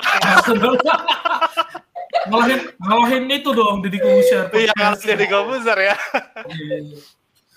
siap Iya. siap siap Gitu. Itu sih ada masalah environmental sih kayak kata Karl. Memang sih itu kalau kita lihat ke Singapura mereka mentalnya dibangun atas pemerintahan yang keras ya dari seorang Lee Kuan Yew gitu ya. Tapi kita lihat eh they did it gitu ya. Dan dan itu butuh puluhan tahun gitu. Gak cuma 10 tahun doang. But Butuh they did it. ah, But they did did it kayak lagu mereka they, they did it makanya kayak kalau misalnya Jokowi bilang 10 tahun enggak enggak aku rasa tidak mungkin tercapai memang. Tapi kalau kita bilang apakah berubah? Aku merasa ada perubahan memang. Dari anak-anak milenialnya gitu. Wis milenial. enggak aku aku merasa emang ada perubahan dari anak-anak milenialnya gitu. Atau mungkin orang-orang yang dulu masih muda terus sekarang udah tua gitu ya. Iya benar-benar. eh, memik- apa yang dilakukan pemerintah sekarang itu ya merubah konsep berpikir orang zaman sekarang bahwa pembangunan infrastruktur misalnya gitu ya. Kan kita tahu Jokowi sangat fokus ke infrastruktur gitu ya. Dan pola pikirnya mengatakan ini penting untuk masa depan gitu. Dan akhirnya juga membuat orang berpikir benar juga sih ya. Kita mulai mikir uh, harus mikir masa depan juga. Walaupun tetap aja ada yang bilang ya harus mikir hari ini juga dong makan apa hari ini gitu. Dan nggak salah itu nggak salah juga pola pikirnya gitu. Tapi ya mental yang kulihat ingin dibangun Jokowi memang itu pikiran untuk masa depan gitu nggak cuma hari ini gitu. Yes. dan aku nggak tahu ya apakah itu akan terjadi dalam waktu dekat tapi mungkin 20 tahun lagi bisa selama orang-orang milenial milenial tidak menyerah sih gitu. sama generasi yang X Y Z nya itu tidak menyerah Bung, untuk kalau menurut kamu Ya. berpengaruh nggak? Kan kita kan tahun 1945 kita merdeka, itu pasti pemikirannya revolusioner kan, pemikiran ya pemikiran apa namanya orang-orang yang baru merdeka pasti banyak sekali yang berpikir revolusioner. Tapi tiba-tiba super semar, and then kita kena apa oppression lah, boleh dikatakan ya oppression. Nah mungkin ada kan itu ada perubahan mental tuh yang udah revolusioner punya banyak punya banyak impian, tiba-tiba ditekan oleh itu kan. Hmm. Terus terbentuklah mindset selama 32 tahun itu, Ya. tiba-tiba reformasi lagi sekarang. Nah itu kira-kira mempengaruhi nggak tuh revolusi mental yang awalnya terbuka, akhirnya segini akhirnya kita naik lagi atau gimana menurut kamu itu terpengaruh nggak? gini karena kalau kita lihat nih Hmm. sebenarnya dari awal memang orang Indonesia ini punya mental yang patuh ke raja Hmm. Paham itu pengaruh dari Jawa banget Mm. kita lihat gue pernah nonton di YouTube nih ya walaupun orang bilang ah Agung sarjana YouTube berarti gitu enggak gue gue nonton S- di SYT. apa ya? enggak bukan anjir kalau kalau kalian tahu kalau salah hipotesa kalau nggak salah Oh hipotesa tahu tahu tahu. ya, pokoknya gue yang gue tonton itu channel-channel yang bener juga gitu ya Iya, yang referensinya jelas gitu. Pokoknya ada pengaruh antara eh, mentalitas pria apa ya, ya raja gitu ya, yang dari dibawa oleh Jawa yang disebarkan ke seluruh Indonesia ini gitu. Yang membuat orang Indonesia sebenarnya dari dulu tuh ya fokusnya patuhnya ke Soekarno gitu. Aku tidak terlalu yakin apakah benar kita memiliki mental revolusi gitu dari dulu ya. Mungkin ada, tapi ya orang-orang itu akhirnya mati bersama Soekarno yang mati juga gitu loh. Hmm. Ya kan? Baru ya mental-mental yang membutuhkan pemimpin, membutuhkan raja itu ya akhirnya dipenuhi oleh pemerintah 32 tahun itu gitu. Apalagi ditekan gitu. Eh, Dan kayak ya udah kamu diem aja, ini kami kasih gitu. Nanti kamu patuh aja gitu. Dan mental yang dari awal seperti itu, itu tuh mak- makin terpupuk lagi gitu loh. Iya sih. Makin terpupuk lagi. Dan ketika kita kasih reformasi, mental inilah yang harusnya udah nggak ada lagi, masih tetap ada. Dikasih otonomi, seharusnya itu bukan, eh, itu supaya makin mandiri, malah enggak, malah tetap aja berharap dari pusat lagi, pusat lagi. Tidak berdikari gitu. Jadi emang dari awal, dari awal sebenarnya seperti ini mental kita emang. Malah reformasi itu yang terlalu mendadak gitu. Reformasi terlalu mendadak. That's interesting.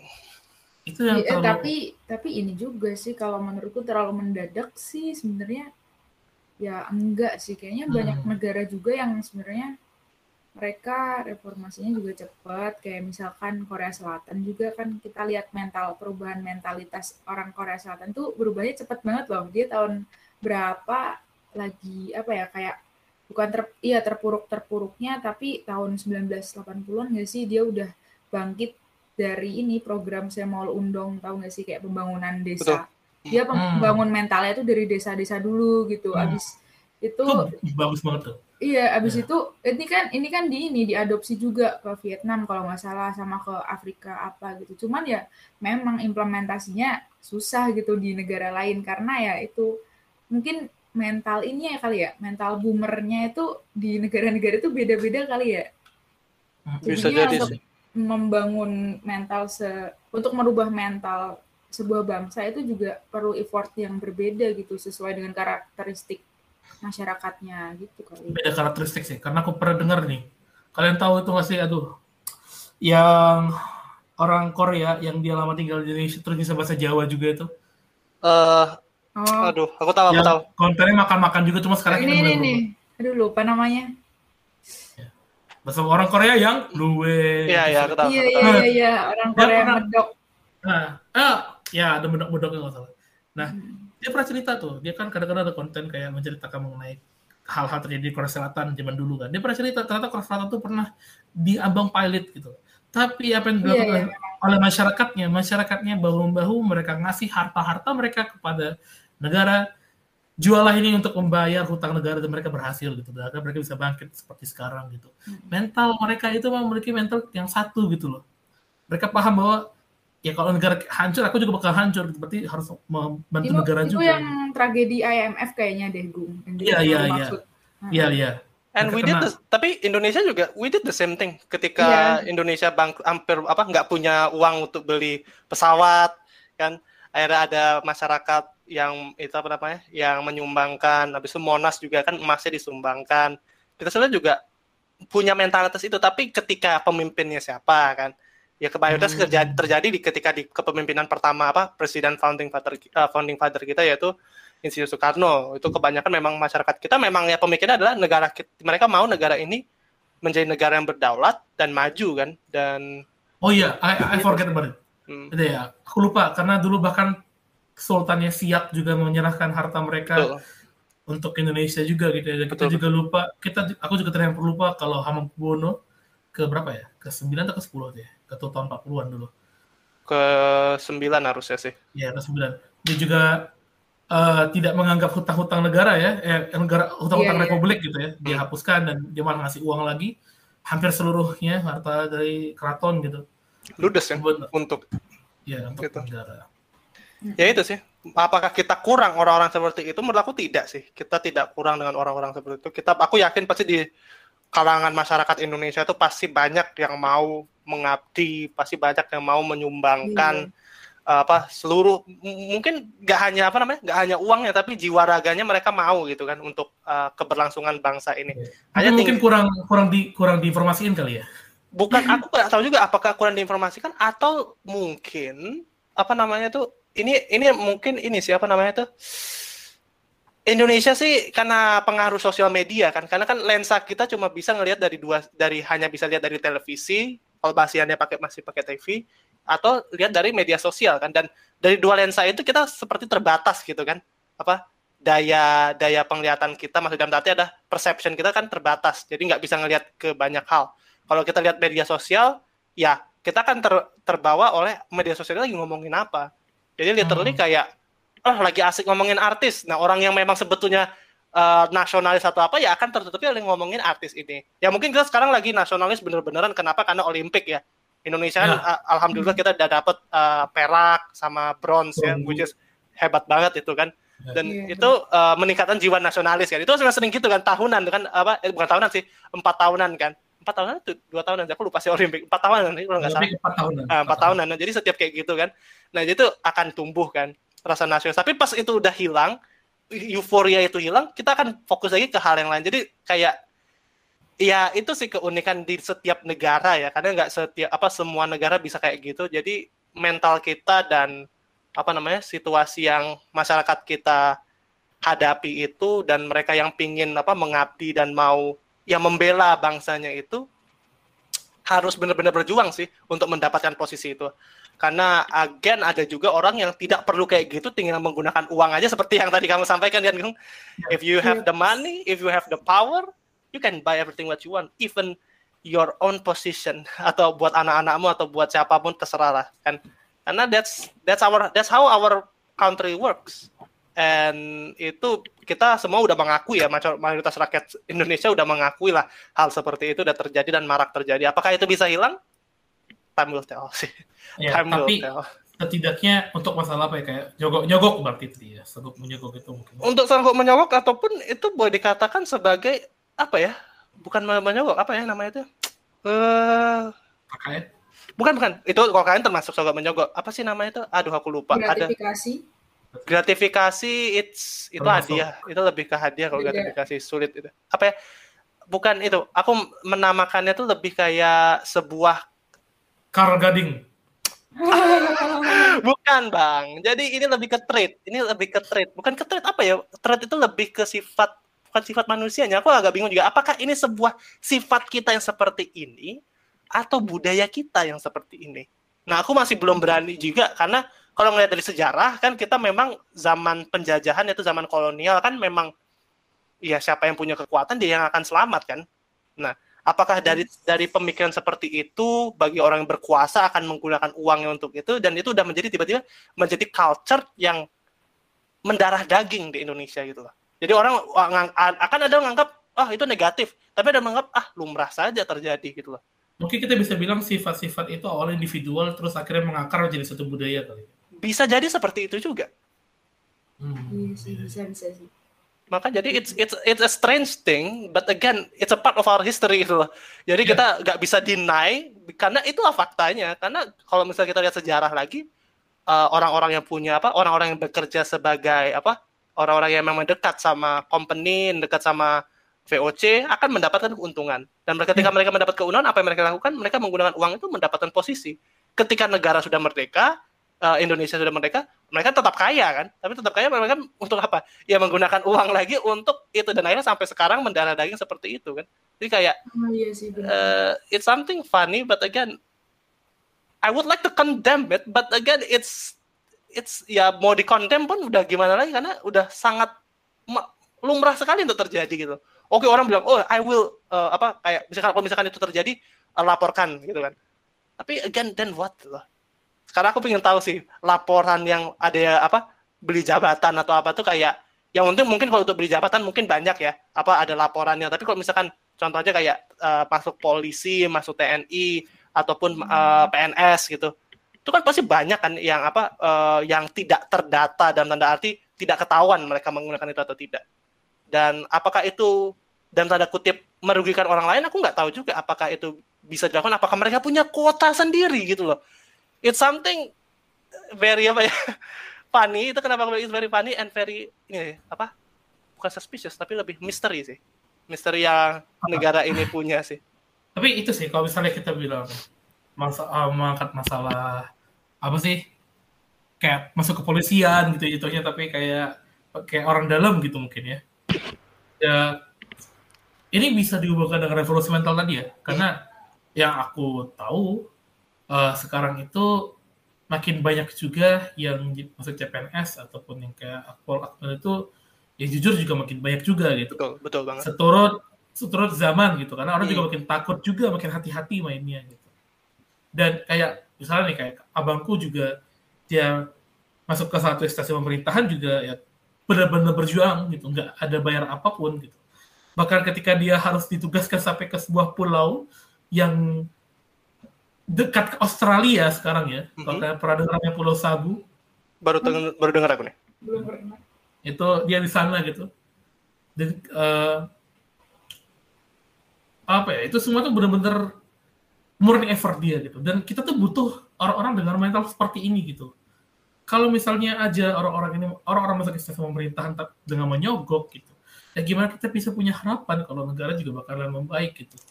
Negara mengharapkan orang-orang rakyatnya terrevolusi mentalnya tapi ketika orang-orang dalam pemerintahan aja seperti itu Ya iya, itu tadi aku baru sempat jawab itu.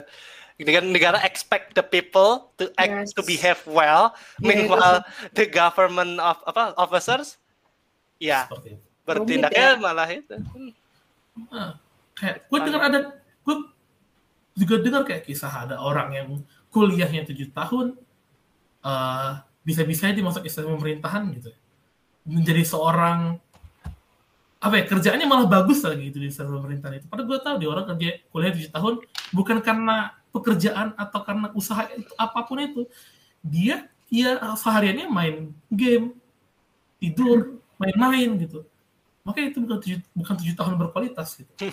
Tapi dia bisa masuk pemerintahan gitu kayak what the fuck? Apakah harusnya sistem rekrutmen itu pakai uh, diperbaharui kah gitu? Kayaknya TWK dan kawan-kawan tuh udah tidak relevan lagi deh gitu menurutku sih gitu. I'm not there to say anything about that karena again still being conducted and Ya, karena gini aku bisa menyaring di, sih. psik- kami di psikologi belajar gitu mengenai rekrutmen gitu Hmm. sama kayak manajemen gitu dan yang aku lihat adalah melihat dari apa ya ah, rekrutmen CPNS zaman sama zaman sekarang gitu masih sama aja kayak dulu dulu gitu kayak masih pakai TWK gitu di mana kenapa tidak pakai eh wawancara gitu kenapa tidak ada tes kompetensinya benar-benar kompetensi langsung gitu loh ke bidangnya itu gitu Ada, mereka melakukan itu sekarang kok. yang mana cok Nggak, kalau aku nggak tahu ya kalau CPNS ya, yang tapi yang pasti aku tahu itu kalau misalkan polisi, Hmm. contohnya sekolah inspektur polisi sumber sarjana S SIPSS oh atau ya SIPS. itu harus dong itu Harus dong. eh, mereka ini ada tes apa tes Kompetensi pas gitu? lain ya tes kompetisi asal ada misalnya jurusannya kayak aku hubungan internasional itu akan ditanya kayak gimana gimana diwawancara mungkin akan disuruh kayak explain something in English or something kayak jelasin tentang teori ini atau jelasin tentang pandangan ini seperti ini tentang pol kepolisian dan lain-lain itu ada kan. Nah kalau nggak salah di CPNS pun juga ada namanya kalau nggak salah seleksi kompetensi juga ada. Tapi aku nggak tahu apakah gimana seleksinya apakah memang sesuai dengan jurusannya atau tidak ah, I'm not sure. Tapi yang masalah wawancara setahu aku ada sih untuk masalah wawancara. Kalau nggak salah Kemenlu ya Kemenlu tuh ada kan Benung? ada beberapa ada pakai wawancara kar Hmm. tapi nggak semuanya ada.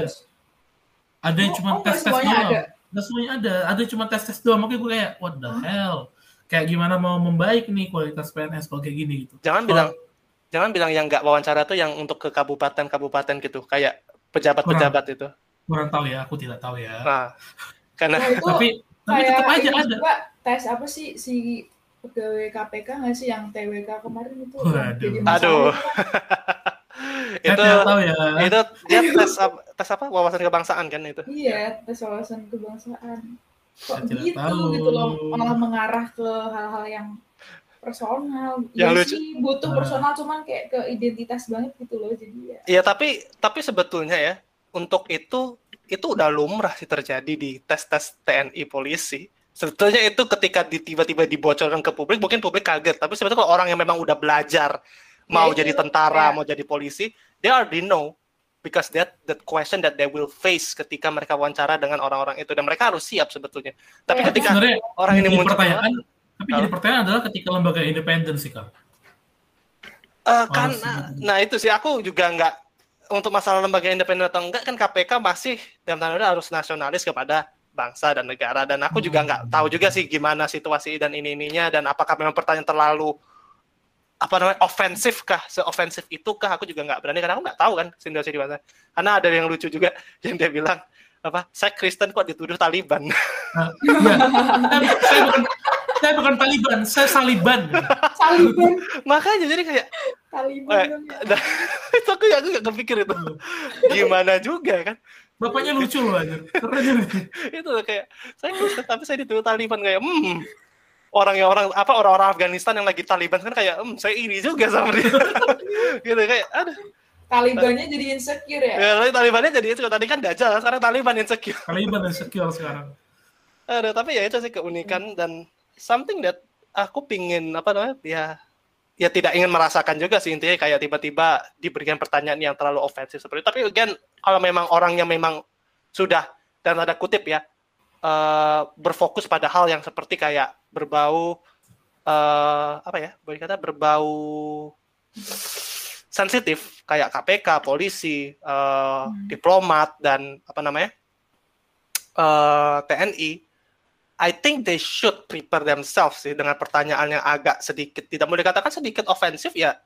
Mungkin akan ada yang berkata ada yang beranggapan itu sangat ofensif tapi they have to prepare with that question. Dan apakah ketika mereka mau menerima atau tidak apa ketika mereka ditolak gara-gara jawaban mereka salah atau tidak atau dan lain-lain itu kan tergantung sudut pandang dari pemerintahnya sendiri kan. Karena kan itu sampai saat ini kita kan nggak tahu rahasianya apa karena itu rahasia negara kan. Dan sampai saat ini juga kalau masa KPK itu kan kunci jawabannya yang ada sekarang itu kan masih dipegang itu di TNI kan. TNI yang megang itu. Jadi literally ya ada ada tujuan juga sih untuk kenapa itu akan ditanyakan dan eh, bisa jadi ditanyakan dan ya if you want to go there you have to be prepared sih menurut aku sih Ah, iya juga sih. Ya mungkin segitu aja kali ya. Ini udah udah panjang banget kayak hampir dua jam gak sih ini Udah kita hampir dua jam. hampir dua jam ya mantap dah deh Gak apa-apa, gak apa-apa. Ntar no cut cut ini emang harus Bakat gitu ya. harus Wah, ini harus bahaya. semuanya masuk ini. Ini Hati-hati ya abis ini kalau misalkan depan kos ada ting ting ting ting. Wah. Oh enggak. Tadi, Baso, baso. dan tadi perataanku pro pemerintah sih untungnya. Oh, Eh, iya. enggak enggak juga gue ngeliat pesan Tapi, ya nyerang tapi lihat aja mereka kan ada celah selalu melihat celah. Ya juga ya jadi. Bahaya bahaya bahaya. Eh, nanti namanya Agung Maulana Surbakti ya eh, psikologi Undip 2018 ya. Nah, ya nih. Gagah, perkasa, berani, laki. Wis. laki Enggak, saya enggak perkasa, yang perkasa cuma Andika Perkasa. waduh dukung TNI sekarang anda. Iya, Kok Andika Perkasa. jadi juga. jadi siapa nih cocok Panglima TNI siapa nih Andika Perkasa. saya setuju juga sih aku juga setuju sih Panglima. kenapa ya tapi aku jujur aja aku suka sama apa eh, Bismillah masuk eh, milit masuk akmil jalur S1. nggak ada bang Akmil S1 Ada ada kan? nggak ada Akmil nggak ada Akmil Oh S1 iya, oh iya iya. Akmil iya. S1 nggak ada tapi untuk jadi TNI Hmm. S1 ada Ada ada. Sorry sorry sorry. Nih, Tapi- Karol nih mau jadi ini kan apa polisi ya sih, Kar? Amin kalau bisa. amin. Saya sih sebe- saya sebetulnya kalau setujuan saya cuma satu. Aku, aku cuma mau mengabdi aja kepada negara mau itu CPNS. Iya, jujur. Aku jujur sumpah. Aku Jujur loh. aku Jujur cuma mau tuh antara kalau nggak bisa polisi, TNI. Tapi kalau nggak bisa TNI ya udah apa namanya? CPNS dan CPNS aku bukan mau Kemenlu karena aku nggak aku nggak suka banget Hmm. apa eh, bagian Kementerian Luar Negeri tapi aku lebih ke ini sih kayak apa Badan Nasional Penanggulangan Teroris Oh. Bin sama Aku lebih lebih ke arah jadi presiden sih. Kalau aku. Amin kan saja, Gung. Tinggal tanya siapa partai yang mau ngambil kamu itu dulu. Merah Merah, banteng aduh, lah. aduh. PSI. Eh, Oh, sih, oke sih. Oh, merah PSI. Merah emang. banteng. Maksudnya Halo bro and sis. maksudnya berkoalisi sama Banteng nanti. Bergum. sis Anung. Aduh. Waduh bahaya. Bahaya ini.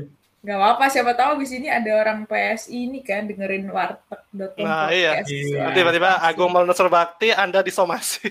Mau somasi kan. Enggak Saya mendukung. Oh, mendukung ya? Oh, mendukung. Siapa siapa itunya? Kau tau gak sih kan? Apa? eh, pendirinya PSI itu alumni. Sh, Mana siapa? Grace, si Grace itu Masa? Saver, tuh tuh tuh, Saverius mana? Kamu. Saverius mana? Saverius kita. Saverius Jambi nggak mungkin. Iya, sumpah. Kamu tanya mamanya BK loh yang bilang loh. Kan dia ingat sama Angkatan berapa? murid-murid. Angkatan berapa? Gak tahu, pokoknya mamanya BK bilang dia dulu anak Saverius Jambi tuh, sering ke perpustakaan juga kok. Udah pepet aja, Gung pepet. Satu sekolah. Eh, satu Masa? alumni. Emang dia- tapi dia orang Jambi emang. Bulan Jambi. aku nggak percaya. Sumpah, Nanti tanya. coba aku cek, coba aku cek nanti aku, aku Ah. coba aku analis, aku cek Coba bener cek atau deh. enggak itu. Coba cek deh. Oke, berarti eh, Nun Anung silakan. Di Silakan. closing. Oh iya, belum di closing ya. Iya, belum di Iya. closing. Eh, makasih buat Carl sama Agung yang udah mau diajak ngobrol-ngobrol santai malam ini meskipun ada gangguan dikit ya. Iya, mohon maaf Iya, tadi, kita- mohon maaf. Mohon maaf nih dari kemarin kita nggak jadi gak jadi mulu mau tapping. Iya, karena kita sibuk ya, kita sibuk. Eh, sibuk, Sibuk. sibuk ngapa-ngapain. Eh, Anu- Anung sih apa? Apa kenapa kenapa? rupanya salah, bukan, bukan, bukan. Apa? Grace tadi bukan di sekolah kita. Ah, ini anak ini Nung, tolong catat namanya ya, Nung. Abis itu kasih ke divisi humas Polri, suruh ini ya awasi ini. Ini bahaya ini. Jadi anak, jadi mana dia? Hah? Jadi orang mana? Adalah orang Jakarta. Jauh banget anjir. ini tadi udah meyakinkan kan dia ngomong kan, iya kayak gini. Eh, Apa, tapi apa, sebenarnya itu keren kan ya, kayak gue tuh bisa meyakinkan orang-orang walaupun di jalan sesat gitu. Nah ini, nah ini kan, ini Nung. Dia udah tadi udah berkata tentang revolusi Iya, gitu, iya. tapi tiba-tiba tuh kayak gini, ini bahaya sekali. Udah lah, gak apa-apa, gak apa-apa. Namanya juga manusia ya, Gung ya. Iya sih, tapi saya spesial. Iya siap, siap, siap, siap, siap. Anung silakan lanjutkan Nung. Ya udahlah gitu aja kali podcast kali ini. Wah, kita udah hampir dua jaman ngobrol. Iya nih. Terus apa ya? Semoga ada yang bisa dipetik ya. Dipetik nih. dipetik. Amin. Kayak bunga gitu ya. dipetik ya. ya, gitu aja. Bye-bye. Bye-bye. Bye. Bye-bye. Oke, Bye-bye, stop recording.